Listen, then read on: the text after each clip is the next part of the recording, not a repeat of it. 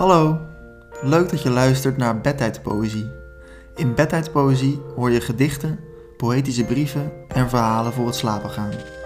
Wij zijn Mandy en Marijn, bevriende dichters, die schrijven over Tevredenheid, verlegenheid, nederlagen, tegenslagen, goede moed, nieuwe hobby's, oude gewoonten, gestrekte vleugels, liefdesetalages, excuses, klamme handen, onbelangrijke afspraken regenachtige dagen. en andere geruststellende gedachten. Om je dromen op een spoor te zetten. Veel plezier.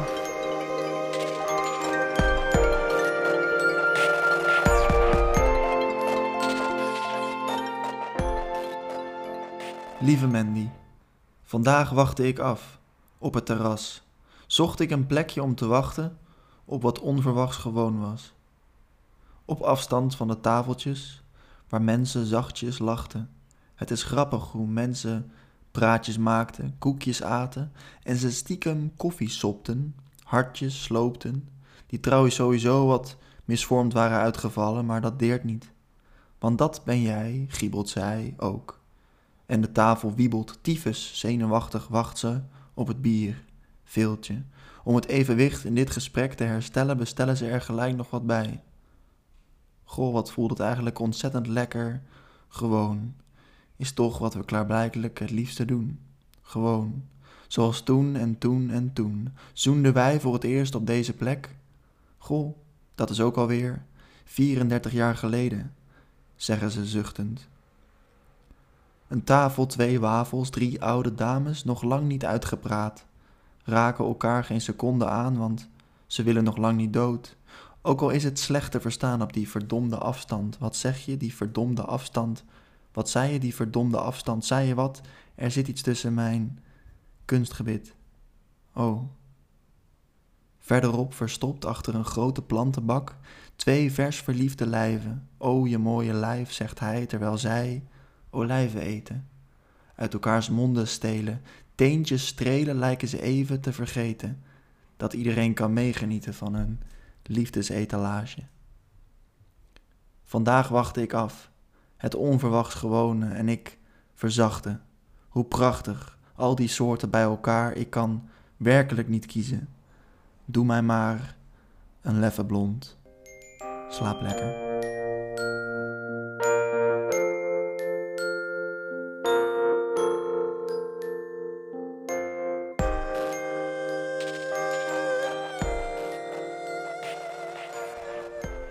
Lieve Marijn, ondanks alles ben ik eerst niet gegaan.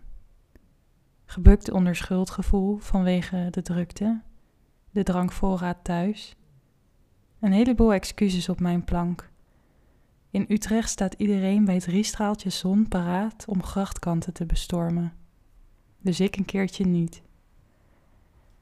In plaats daarvan ben ik voor mijn raam gaan staan, met een gekke mengeling van vertedering en irritatie de buurtkinderen aanschouwd. Ze mogen schreeuwen, maar niet te hard. Ze mogen spelen, maar niet te lang. Het is ook mijn grasmat, mijn hofje, mijn binnentuin. Ik mat daar mezelf af in strijd tegen de clichématige coronakilo's. En het is mijn terras geweest. Het gras mijn picknickweide. Ik heb daar de meeuwen geobserveerd, niet gevoerd. Ik probeerde daar een Grieks strand te visualiseren, veegde azuurblauw zweet van mijn hagelwitte voorhoofd en ik heb nieuwe buurmannen ontmoet, die mijn recent ontstane sportiviteit bemoedigen. Ik leerde de grauwe bakstenen, de wanstaltig rode kozijnkleur van alle portiekflats waarderen. Het voelde te vroeg om het terug toe te keren. Nog één keer gewoon thuis, want dat is ook gewoon Marijn, maar dan misschien niet onverwachts.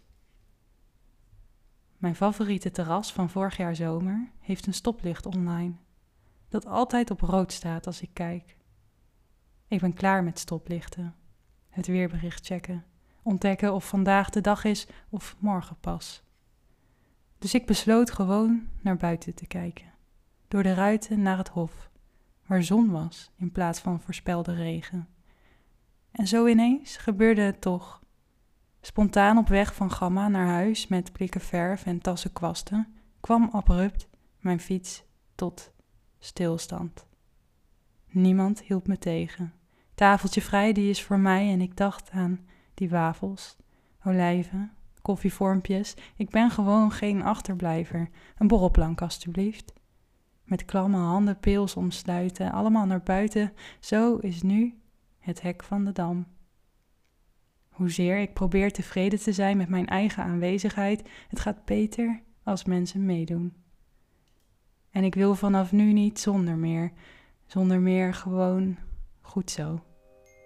Wel te rusten. Leuk dat je luisterde naar onze brieven, speciaal voor dagdromers, wakkerliggers en nachtvlinders. Bedtijdpoëzie is een initiatief van Lama Praten. En Lama Praten is een oproep om van je te laten horen, je creativiteit de vrije loop te laten en je vooral niet te veel van anderen aan te trekken. Vond je deze aflevering leuk? Volgende week is er weer een nieuwe met nieuwe brieven. Hopelijk luister je dan weer. Maar voor nu, droom zacht.